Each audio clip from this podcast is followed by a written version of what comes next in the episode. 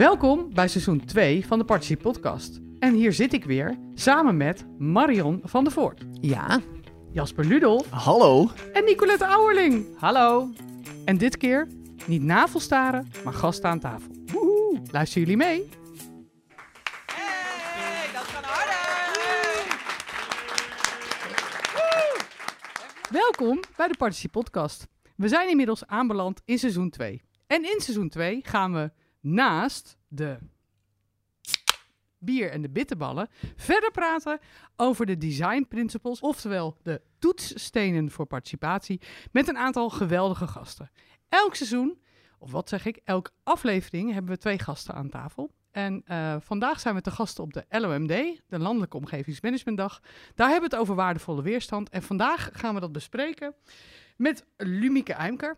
Goedemiddag. En Lumieke is omgevingsmanager bij Dure Vermeer en was daarvoor communicatieadviseur bij de gemeente Almere. Klopt. En we hebben Saskia Fokkema aan tafel. Hi. En Saskia doet heel veel dingen. Maar vandaag is ze te gast omdat ze als projectleider en communicatieadviseur publieke organisaties helpt bij samenwerking met bewoners en partners. Welkom bij de dames. Ehm, zoals altijd starten we met de column van Marion. En dat gaan we ook dit keer doen. Waardevolle weerstand. Het is een prachtig en sociaal wenselijk thema van deze dag met omgevingsmanager. Maar wees nou eerlijk, het is toch veel fijner als je plan zonder weerstand er doorheen fietst. Strak ontwerp, soepel besluit en enthousiaste reacties. Maar nee, wij bespreken hier al de hele dag hoe waardevol het is als mensen het niet met je eens zijn.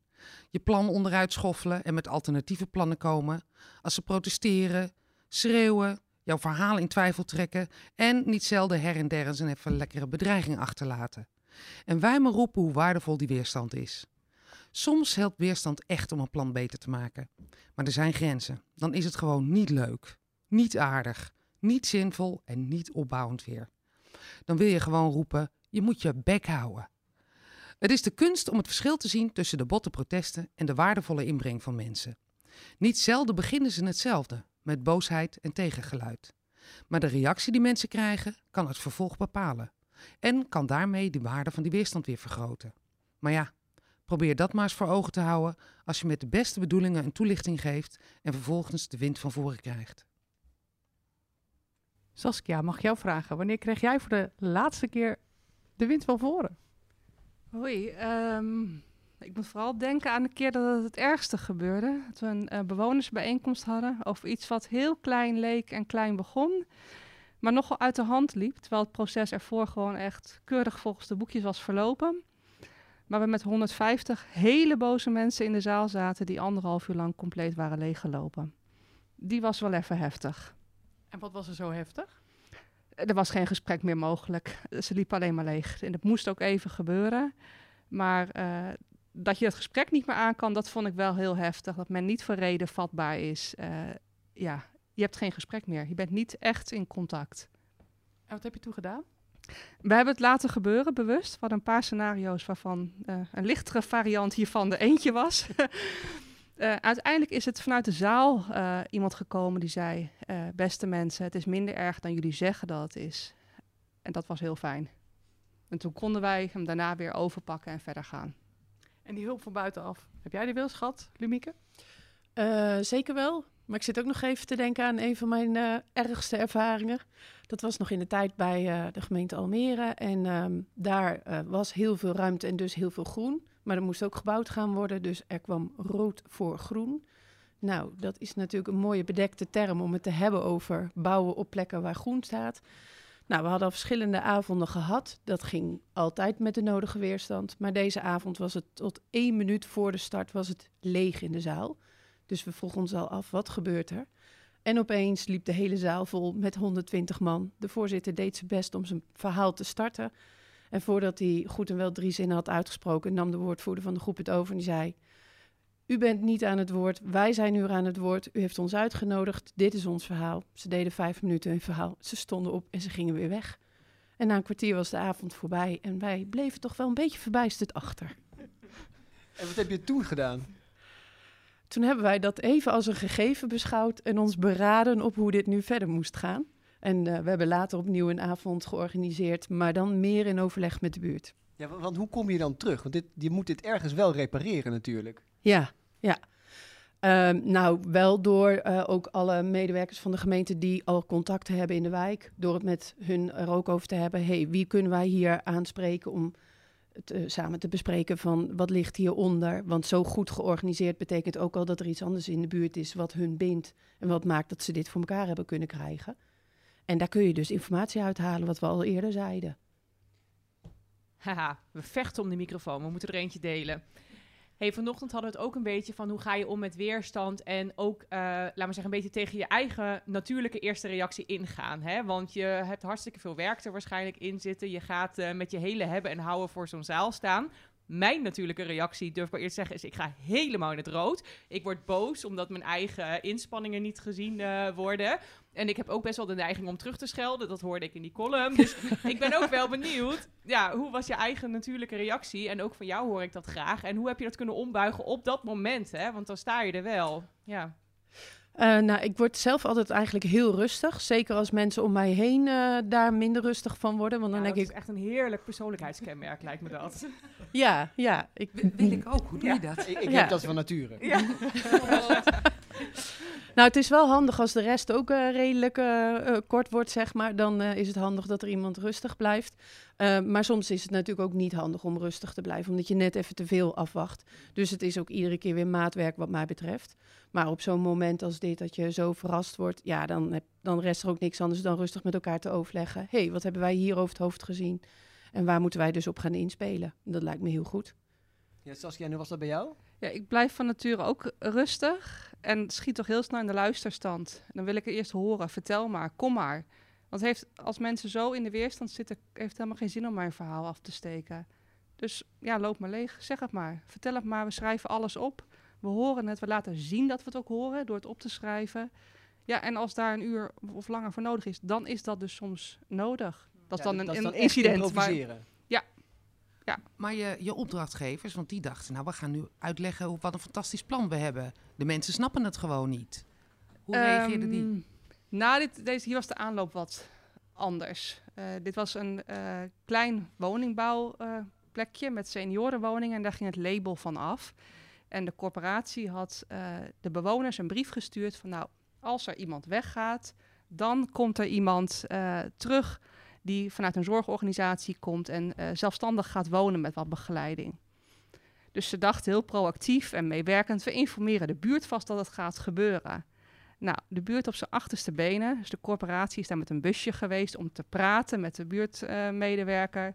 nou, het werd steeds groter en groter. Het is ook geprobeerd één op één met de mensen in gesprek te gaan. Nou, dat hebben ze echt geweigerd. Op dat moment zijn we vanuit de gemeente aangehaakt eh, geraakt hierbij. En toen hebben we toch besloten om een bewonersavond te organiseren. Want we wilden echt in gesprek. En als het niet individueel kon, dan maar een avond met alle risico's van dien. En we hoopten natuurlijk dat men wat iets meer voor reden vatbaar was, maar dat eh, was niet zo. Dus we wisten dat we daar een risico namen. En, en dat, dat risico heb je dus berekend Ja. genomen. En, en ik weet niet hoe dat bij jou in deze situatie was. Maar eh, in elk geval eh, eh, heb je, kom je er dan tijdens zo'n avond of net daarna natuurlijk erachter van... shit, we hebben hier iets over het hoofd gezien. Hoe gaat zo'n gesprek daarna? Want, want dan wordt het interessant. Hè? Dan ga je dus... Dan is het niet meer over in gesprek met de buitenwacht, maar in gesprek met, met de organisatie. Hoe, hoe gaat dat? In dit geval hebben we toch nog wel een gesprek met een paar bewoners geweest. Die hadden al daarna zoiets toch van, nou ja, eh, toch maar wel. En die zorgorganisatie kon eigenlijk hen weinig bieden. En die bewoners eh, waren in mijn ogen best wel onredelijk. Hè. Die riepen dingen als, eh, straks ligt de hele speeltuin hier vol met spuiten. Worden alle spiegels eraf getrapt. Het waren jongeren die zelfstandig gingen wonen. Het, g- geen voormalige criminelen of, of, of wat dan ook. Eh, jongeren die heel blij waren dat ze in een gewone buurt mochten komen wonen. Dus is wel gezegd, we zetten het door. En we zorgen dan toch als tegemoetkoming het eerste jaar voor een telefoonnummer wat de buurt kan bellen. 24 uur per dag, 7 dagen in de week, als er wat is. Dat doen we een jaar. Nou, dat nummer is nooit gebeld. En eh, die mensen zijn uiteindelijk gewoon opgenomen in de buurt, want dat ging heel geleidelijk. Dus het was heel veel lawaai, heel veel weerstand. En daarna, ja, vrede. En, Lemieke, ik zie jou instemmend knikken. Is, was, dit, hoe was dit bij jou ook zo eigenlijk? Ja, eh, hele verschillende trajecten meegemaakt. Maar wat gewoon heel vaak geldt, is volgens mij onbekend, maakt onbemind. En ehm, ja, ik heb wel een keer een avond meegemaakt met de komst van een drugshostel in het centrum van een eh, stad. Ja, ja dat, dat, dat heeft heel veel associaties. En als daar kinderen wonen, dan is dat voor een buurt ontzettend spannend en roept dat gewoon heel veel weerstand op. En dat kunnen wij ons volgens mij allemaal prima voorstellen. Maar je weet ook allemaal dat daar eh, bijvoorbeeld ouders bij horen of broers en zussen, die ook heel graag willen dat hun broer en zus opgevangen worden. Dus daar hebben we bijvoorbeeld ook wel gebruik van gemaakt, dat dat soort dingen ook geschetst werden. En ook de organisatie die die voorziening wilde eh, invoeren daar, zeg maar, die had uiteraard ook veel ervaringsdeskundigen mee. En dat lost echt niet alles op, maar dat is wel het onderwerp van gesprek. Hebben, hebben jullie nou ook het idee dat de, de, weerstand de afgelopen nou, jaren misschien wel eh, massiever is geworden? Want dit gaat nog over mensen die boos zijn en die dan iets roepen of massaal de zaal uitgaan. Maar je hebt waarschijnlijk ook wel eens bijeenkomsten meegemaakt waar gewoon de politie in de zaal moest zitten of stillen op de voorste rij moesten zitten. Of Dat niet, wel eh, wijkagent erbij. Maar dan ook echt wel vanuit de rol als wijkagent, niet vanuit eh, veiligheid. en jij, Lumieke? heb je dat? Wel ook. En hoe ging dat? Ehm, nou, het liep uiteindelijk allemaal goed af. Maar wel gewoon ehm, dat we wisten dat het een eh, pittige avond zou kunnen worden. En dat je van ook sommige partijen wist dat die zich misschien niet helemaal eh, eh, onder controle konden houden. En dat het dan goed was om in ieder geval ook met de politie afgestemd te hebben dat deze avond er was. Ja, dit zeg inderdaad één keer heb ik dat wel meegemaakt. Toen kwam inderdaad een actiegroep elders uit het land die tegen een noodopvang was. Oh, elders uit het land ook. Ja, ja, ja. Ja, want dat is wel iets. wij- Kijk, wij maken deze podcast voor mensen, zeggen voor de grap, hè, die hun handen vuil maken. Ja. Dus van de, van de zijkant is makkelijk roepen. Eh, ik ben wel benieuwd, eh, eh, zijn er momenten geweest dat je, dat je je echt onveilig hebt gevoeld ook? Ehm, echt onveilig niet, wel spannende momenten. Ehm, we hadden een keer een, een pleintje in echt zo'n volkswijk. eh, sterke betrokkenheid eh, bij het pleintje, maar ook eh, groot wantrouwen richting overheid. Eh, ook dreigementen die er wel waren vanuit nou, illegale dingen die daar op het pleintje gebeurden en die de bewoners niet wilden. En we gingen met gemeente, jongerenwerk en politie daar in gesprek. En dat ging, die mensen komen niet naar een zaaltje. Dus we gingen op dat pleintje. En ik zou dat gesprek in goede banen leiden. Voor zover dat ging met die groep. En dat vond ik wel een hele spannende. Want op een gegeven moment iedereen door elkaar heen. Niemand luisterde meer. En het, ja, alle goede bedoelingen. Dat, we wisten ook dat dat een moeizame zou worden. En ik kwam er ook niet meer overheen. Want ik heb niet een hele harde stem. Ik ben ook geen grote stevige kerel die even uh, daar kan staan. Dus op gegeven moment dacht ik, ja, ik moet hem nu afkappen. Toen ben ik op die picknicktafel gaan staan heb ik gezegd... En nou allemaal koppen dicht! Buiten mijn comfortzone. Iedereen die me ziet, ik, meestal word ik als heel lief en aardig en blond en zo, weet je, gezien. Maar het was wel nodig. En ja, ik, ik, ik denk, als dit niet goed gaat, heb ik wel een probleem. Dit is het laatste wat ik kan doen om dit vlot te trekken. J- jij hebt het heel aristotelisch opgelost, hoor ik. Ja. Tegen je natuurlijke neiging in. Ja. Wat is Aristoteles? dat was vanmorgen toch? In de, nou, er werd er gepraat over Aristoteles. Die zei, je moet tegen... Ja, ik weet niet of het een goed woord is trouwens, maakt het ook niet uit. Nou, ik was toch heel blij dat er niet nog allemaal andere gemeenteambtenaren en pers en een wethouder bij waren. Want dit is niet iets wat je van, toen was ik nog eh, wijkmanager, wat je van een wijkmanager verwacht dat hij gaat doen. Maar het was nou ja, aangesloten taalgebruik van de doelgroep, om het maar even zo te verwoorden. Hey, Lumieke, ben, jij wel eens tegen je neiging of tegen je natuurlijke neiging ingegaan of, of dat moeten doen? Eh jazeker. Ehm, ik wil ook sowieso wel even het moment van participatie verbreden. Want het is niet alleen maar tijdens bijeenkomsten. Zeker niet volle zalen, iedereen zit en dan een centraal woord. Daar zijn we ook eh, bij de gemeente Almere in de loop van de tijd mee gestopt. En hebben veel meer inloopavonden georganiseerd. Zodat je het veel meer kunt verdelen en ook mensen meer persoonlijk te woord kunt staan. Het blijkt gewoon dat ze heel vaak ook zorgen hebben over hun specifieke informatie. Of voor hun specifieke locatie. Maar wat ik wel eh, heb gehad, is ook de vorm die wij fysiek hadden gekozen. Die maakte dat ik fysiek in een hoek op een trap terecht kwam met een hele boze meneer tegen een glazen wand. En dat voelde echt zo ontzettend onveilig. En toen heb ik echt gezegd, meneer, u moet nu van mij afblijven en naar achteren gegaan. En gelukkig bleek zijn vrouw achter me te staan. Die zei, Jan, Jan, stop ermee. Natuurlijk heette die Jan, ja. ja. Dus dat was, heel fijn. buurtburgemeester, is de vraag. ja, ja, ja. Dus, eh, maar ook wel gewoon, ehm, eh, eh, inmiddels werk ik bij uh, Dure Vermeer, als aan, bij de aannemer dus. Dus ook aan de andere kant van de tafel. Dan kom ik meestal als het participatietraject is geweest, na een planfase traject. Dan hoor je heel vaak hoe dat verlopen is en met welke restanten er nog spelen. Ja, en dan hebben we een hele andere rol vanuit de aannemer. En ook heel vaak een oplossing voor dingen die toen een probleem waren of zijn geworden. En dat het eerste gesprek nog heel vaak is even horen wat de pijn is uit dat participatietraject. Maar daar kunnen we als aannemer vaak weinig mee. Als in, wij komen om te doen wat er is afgesproken. Maar wij willen natuurlijk wel streven naar een zo prettig mogelijke uitvoering van dat verhaal. En dan gaat heel gauw daarna vaak de toon om en kunnen we gaan praten over wat er wel kan. Ja, want dan zijn de, de, de kaders helder. Maar het zou veel beter zijn toch als je uh, als aannemer ook al bij die participatie betrokken bent. Lijkt dat mij, lijkt of niet? mij een heel goed idee. En volgens mij is daar de komst van het twee-fase traject een hele mooie kans voor. Ja, Aha. ik weet niet wat dat is. Voel ik een toetssteen? Ja. Zou dit maar ik weet echt- zijn? Vertel eens Vertel. meer daarover. Eh, nou, volgens mij is dat eh, een beetje begonnen met het doen gedachtegoed van Rijkswaterstaat. Daar ken ik het in ieder geval van. Waarbij zij bij de brug eh, nabij Nijkerk eh, begonnen zijn om het hele traject van de manier waarop die brug, die was verouderd en die moest in ieder geval verstevigd worden, zodat die het vrachtverkeer weer aan kon, eh, wilde verbeteren. Maar dat wilden ze samen met de aannemer gaan doen. Dat was echt een revolutie toen. Ehm, en dat is een heel geslaagd traject geworden. En daarbij is voor gekozen om niet te praten over geld. Maar eerst samen te kijken naar de oplossing. En ondertussen niet te bespreken. Ja, maar wat moet jij dan doen en wat moet ik dan doen? Nee, de gezamenlijke expertise ingezet. Tot een oplossing gekomen. En daarna kreeg de betreffende aannemer de opdracht om het dan ook op die manier uit te voeren. En ze hadden het helemaal opengesteld. Dus het kon ook nog zijn dat de brug vervangen werd door, noem Ja. het, een boot. Ja. Heel open. Een pontje. En daar hebben ze heel veel van geleerd. En daar is het doen gedachtegoed uit voortgekomen met ook een aantal principes. En dat is volgens mij nu uitgemond in het twee-fase contract. En dat betekent dat je samen dat planvormingsverhaal aangaat. Ja. En ik heb het idee dat we elkaar daar over en weer ontzettend veel in te bieden hebben. Je, je- je ziet het ook steeds vaker in tenders. Hè? Dat als je als een Dura Vermeer of een andere partij inschrijft voor een project, dat die participatie ook gewoon deels bij de eh, omgevingsmanager van de bouwer of eh, aannemer of ontwikkelaar wordt neergezet. Ja, vooral dat je dat gewoon samen doet. Omdat een overheid natuurlijk uiteindelijk wel verantwoordelijk blijft voor de inhoud van dat participatietraject. Want daar maakt het gewoon onderdeel van uit. Nog Maar- wel, maar niet lang meer natuurlijk met de omgevingswet. Nee, precies. Ik vind daar ook wel een risico in zitten, moet ik eerlijk zeggen. Eh, er zijn een heleboel dingen die je prima aan de markt kunt overlaten, maar natuurlijk niet alles. En je hebt als overheid of als, als opdrachtgever wel een bepaalde verantwoordelijkheid, ook in de communicatie en de participatie.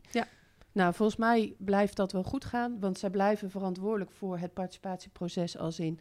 Zij moeten de reacties die komen verwerken en zorgen dat daarop besloten wordt wat het algemeen belang is. Dat kan een, kan een aannemer of een adviesbureau nooit afwegen. Maar het organiseren van de manier waarop er participatie wordt gedaan, dat kun je uiteraard prima zelf ehm, als aannemer. Maar volgens mij moet je dat vooral gezamenlijk doen. Ja. Je Maar hebt goed, over en weer veel kennis en ervaring. Dat wordt dus inderdaad precies ook gezegd door eh, de, de tegenstanders van eh, de communicatiewet en dan met name, of eh, de omgevingswet. Ik noem het al de communicatie, de omgevingswet. Die zeggen van ja, dat, dat mag je niet aan de markt overlaten, want participatie dat gaat over het algemeen belang enzovoort. Maar dat komt toch echt bij de initiatiefnemers terecht, maar dan moet wel de gemeente uiteindelijk daarover besluiten. Ja. Als het een onderdeel is dat, nou ja, goed, ingewikkeld, ander verhaal. Dat Ja. is een ander verhaal. Nou, wel een belangrijk verhaal. En volgens mij eh, staan er belangrijke keuzes op dat terrein eh, ons te wachten. Dus eh, Ik, ik had nog één vraag ook aan, aan Saskia. Ehm eh, overigens, Lumieke, jij mag hem ook beantwoorden. hoor. Maar het ging vanmorgen in de, in de, in de, in de speakers notes, moet ik zeggen, of heet het nou, de, de keynote speaker, ja, die woorden altijd. Eh, g- ging, het ook Nederlands op, woord gebruiken, joh. ging het op een gegeven moment ging het over twee soorten ty- type weerstand. Dus weerstand op de, op de inhoud, hè, op de, van wat er besloten wordt. En eh, weerstand eh, dat er echt een meer een dieper liggend probleem is. Hoe vaak komen jullie het een en het ander tegen, zit ik me af te vragen. En weet je dat dan ook van tevoren? Voel je dat aan? Ik, ik vind wel dat je merkt dat men, eh, als je het vergelijkt met, nou pak een beetje tien jaar geleden, dat het wantrouwen richting de overheid wel groter is geworden. Dus dat speelt eigenlijk overal wel eh, onder. En dat eh, hoeft niet eens te zijn dat mensen zelf een slechte ervaring hebben, maar ook de media. Ik vind de media ook negatiever geworden. Dan hadden ze ook wel meer dingen om negatief over te schrijven. Eh, maar de media zal nooit een keer een artikel schrijven... oh, wat heeft die gemeente dat proces toch mooi gedaan. Dat is geen nieuws. het is natuurlijk veel leuker om, om te zeuren over wat er verkeerd gaat. Dus het is ook heel erg de teneur die je eh, ziet. Ehm, en ik zie ook wel dat mensen, als het inhoudelijke niet mee eens zijn, ook gaan zeggen eh, dat alles erbij halen. Oh, dit doet de gemeente niet goed, dat doet de gemeente niet goed. En ook het proces is niet goed. Dan gaat het over heel veel andere dingen, behalve de inhoud waar je het over wil hebben. Nou, de communicatie deugde niet. Dus Precies, nou, dat is ja. altijd. En dat ga je natuurlijk straks met de omgevingswet ook zien. En dan heb je twee punten om op eh, te gaan eh, procederen. Hey, ehm, we hadden het over ehm, eh, weerstand hè, en over waardevolle weerstand. Heb jij een, een voorbeeld wanneer die waardevolle, wanneer die weerstand voor jou en voor het project echt waardevol was? En dat het ook lekker liep? Gewoon een keer lekker, een goed voorbeeld. Ehm, nou, ik vind een, een voorbeeld. eh, we hadden een, park dat heringericht moest worden. En er was ooit heel veel budget voor. Nou, bezuinigingen was het nog maar heel weinig van over. 10% ongeveer. En dat was echt heel weinig.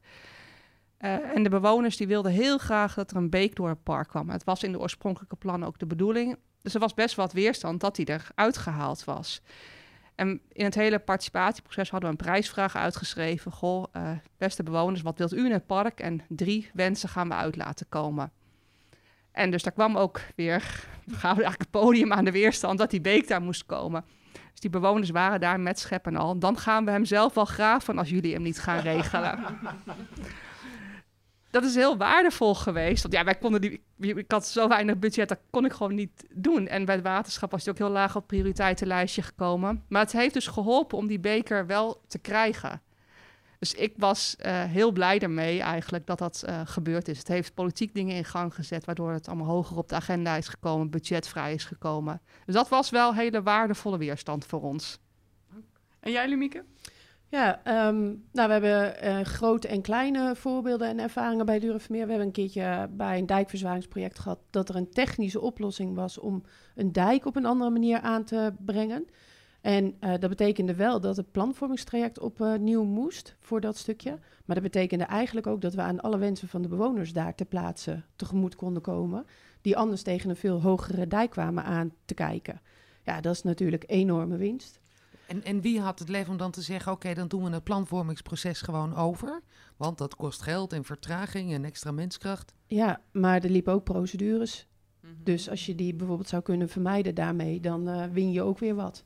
Dus in dit geval heeft eh, ook eh, de overheid als opdrachtgever in de, dit project daar een rol in gespeeld. Maar vrij recent heb ik zelf in het klein aanleg van een tramlijn. Nou, dat is allemaal gegeven. Maar wij hebben wel voorgesteld, zullen we nog een keertje met de bewoners, ook in coronatijd, digitaal om tafel. Ze hebben ontzettend veel kennis van het groen en de ecologie in de directe omgeving van de tramlijn. Zijn er nog plekken waar we iets extra's zouden kunnen doen? En daar zijn hele concrete resultaten uitgekomen en die worden nu gerealiseerd. Ja, dus jullie zijn echt ook intern ruimte aan het maken geweest. Ja. Daarvoor. Ja, ja, hoe kun je binnen de plangrenzen toch nog iets doen? We, we hebben een vraag of toevoeging uit het publiek. Leuk. Oké, dus je wilt weten of, of je voorbeelden hebt aan de hand van wat we eerder vandaag op de Landelijke Omgevingsmanagementdag hebben gehoord. Over hoe je signalen oppikt die nog niet de directe vorm van weerstand hebben, maar eigenlijk al wel een soort eh, rode vlaggen zijn. Eh, ja, dat, zijn, dat kan op verschillende manieren. Gewoon door de vragen die je bijvoorbeeld krijgt, eh, omdat je allerlei communicatiemiddelen de- ter beschikking stelt. Maar ook wel gewoon doordat je met een stakeholder in gesprek komt en dat je er eens achter komt dat er in het verleden projecten hebben gespeeld waar ze letterlijk schade van hebben opgelopen. En dat ze daardoor eh, met ontzettende weerstand nu naar jouw project kijken. Ja, goed om te weten, was niet meteen zichtbaar, maar, kom wel je daar bij, begrijpelijk. bij toeval achter? Of is dat iets waar je actief naar op zoek gaat aan het begin van zo'n traject? Eh, nou, dat ligt soms aan hoe dichtbij je stakeholder zit en dat je hem toch wel ontmoet, omdat hij bijvoorbeeld je buurman is en je letterlijk wat af te stemmen hebt. Maar sommige eh, ook bijvoorbeeld dat er een opvanghuis in de buurt zit waar kwetsbaardere mensen zitten, gevoeliger. Ja, dan kom je daarmee in aanraking op een of andere manier en dan kun je daar weer wat mee. Maar, maar bijvoorbeeld zo'n eh, avond die je organiseert en eh, een zaal waar maar vijf mensen op afkomen, dat kan er bijvoorbeeld ook zo eentje zijn. Hè? Dat je denkt, huh, wat is hier aan de hand? Dit is toch een belangrijk project. Heb je zoiets wel eens meegemaakt? Een bijna lege zaal. Moet ik even heel diep... eh, Lekker, weinig weerstand. Naar huis. We hebben wel eh, op een gegeven moment bijvoorbeeld eh, de wedstrijden van het Nederlands elftal of de Champions League als uitgangspunt genomen Ja. van de keuze voor de avonden en de data. Om dat Ja. juist wel of niet te doen. Nee, niet. Weet je, dat, dat, Nou, zijn van die uit, strategisch uiteraard. Ja. dat zijn als van die uitgangspunten. Niet op de avond dat een raad vergadert. eh, Ja. Niet op avonden dat het Nederlands elftal voetbalt. Eh, Niet dat- op koopavonden. Nou, nee, dat is tegenwoordig niet meer een, een, ja. dat is niet meer een, een, een Nee, dat ding wel tegenwoordig. Vroeger wel. Ja. Maar, maar niet van die verborgen dingen waarvan je later pas zag... oh, als ik dat toen had gerealiseerd... dan wist ik toen al dat er weerstand zat. Niet echt zo. Nee. Ja, of dat er iets anders speelt, bijvoorbeeld. Dat er iemand anders iets organiseert waardoor je niet de mensen krijgt. Of dat er verschil, brieven verkeerd bezorgd worden. Dat hebben we één keer gehad. Oh. Hadden we twee bewonersavonden in dezelfde week in twee aangrenzende gebieden. Dat moet je eigenlijk dus nooit doen. Want wij lieten de post, als heel veel gemeentes ook doen, eh, bezorgen door de eh, sociale werkvoorziening. En daar is iets misgegaan, want de brieven van de ene avond zijn in de andere buurt terechtgekomen. Oh. Ja. En andersom. Dus dat was echt wel een eh, hele vervelende. Dat, dat is ook eigenlijk een soort standaard hè? bij dingen waar veel weerstand is. Ja, en we hebben niet eens de brief gekregen. Ja. En mijn buurvrouw ook niet. En hier was het dus waar. Ja, we hadden ja, daarna dus de afspraak, we gaan niet meer twee avonden in één week doen. Ja, dit, dit, nee. dit is te veel kans op, op, dat soort praktische En we gaan zelf de brief verzorgen. Nou, bijna wel. Ehm, lieve mensen, wij zijn eh, aan het einde gekomen van deze Partje podcast. Dat is met name omdat we uit het zaaltje worden gegooid op een gegeven moment. En de Ehm, bitterballen worden koud. En de bitterballen worden koud en dat is echt zonde. Ehm, wat ik, ik heb één laatste vraag voor onze gasten. En eh, ik begin even met onze vaste gasten, om even hun reflectie te geven. En dan geef ik jullie als laatste het woord. Ehm, Jasper, als ik jou mag vragen. Wij zijn natuurlijk op zoek naar de toetsstenen. Mooi woord. Wat is jouw toetssteen uit dit gesprek? Ja, op z'n allerkort, wat ik eh, van de hele dag en ook van onze gasten meekrijg, is dus, er speelt onderhuids al heel veel. En je bent geneigd om te beginnen bij het begin, maar je begint eigenlijk daarvoor. Dus je moet eerst eh, zoeken naar wat er al speelt. Ja, ja, het lijkt een open deur, maar goed, hem als toetssteen gebruiken zou ik een hele slimme vinden. Heb je dat al gedaan? Die mag van mij op de checklist. Dus even eerst bezint voor je begint. Ik, ik voel toch iets voor die tegeltjes uit seizoen 1. Goed, eh, Marion, wat is jouw toetssteen uit dit gesprek en uit de hele dag? Ehm, dat je ehm, misschien ook wel gewoon op je intuïtie mag afgaan bij dit soort dingen. Van, eh, eh, je begint aan iets en natuurlijk, je hebt regeltjes en je hebt vinkjes enzovoort. Maar ehm, het niet alleen je hoofd, maar ook je onderbuik kan je een heleboel, heleboel leren over wat te doen en wat ook te laten. En Nicolette? Ehm, ja, ik heb moedig handelen, heb ik vanochtend eigenlijk al opgeschreven, want dat vraagt weerstand eigenlijk ook af en toe. En ik vond daarom juist heel mooi jouw voorbeeld van, toen ging ik gewoon tegen mijn natuur in, maar met me- helemaal mijn eigen zelf, van wat ik nodig vond, eh, staan en zei, hou je bek. Ehm, en dan denk ik, ja, dat vind ik echt wel moedig handelen en dat moet je af en toe ook doen. Ja, dus dat neem ik mee. Tot slot, Saskia. Ja, het belangrijkste is voor mij, blijf jezelf. En eh, besef dat je als mens aan het werk bent, ook met mensen praat. En dat je elkaar als mens behandelt. Je bent niet eh, het bedrijf of, of de overheid. Je staat er als mens. En die persoon staat er ook als mens en niet als de boze bewoner. Dus van mens tot mens. En dan kom je echt een heel eind. Mm, mooi. En Lumieke? Ik sluit me helemaal bij Saskia aan. En wat ik zelf ook altijd nog eh, ehm, eh, heel leuk vind, is dat je veel meer bronnen blijkt te hebben dan je soms zelf denkt. We hebben heel vaak natuurlijk onderaannemers, die komen vaak uit de buurt. En die wonen ook in de buurt. En die blijken hele waarde informatie, waardevolle informatie te hebben over wat daar ter plaatse gebeurt. Waardoor je vaak veel meer achter de achterliggende dingen komt dan het officiële gezag zeg maar weet. Dat is ook altijd heel leuk en heel verdienstelijk. Hartstikke mooi. Ik eh, wil jullie van harte danken voor jullie medewerking. Ik wil de zaal danken voor jullie eh, nou ja, stilte. Is misschien niet altijd even leuk. Maar nu mogen ze zeker zich laten, leven laten horen.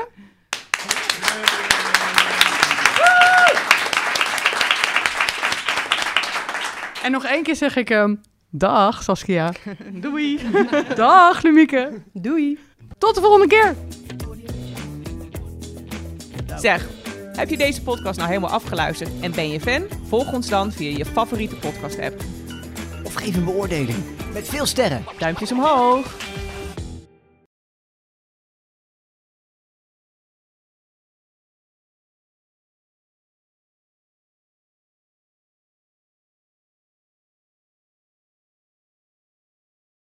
Hi, ik ben Saskia Fokkema en deze keer te gast in de Partici Podcast. En de opname is gemaakt tijdens de Landelijke Omgevingsmanagementdag die over weerstand gaat. Ik heb al mijn eerlijke verhalen gedeeld over wanneer het misging en hoe ik daarmee om ben gegaan. Dus ik zou zeggen, luisteren!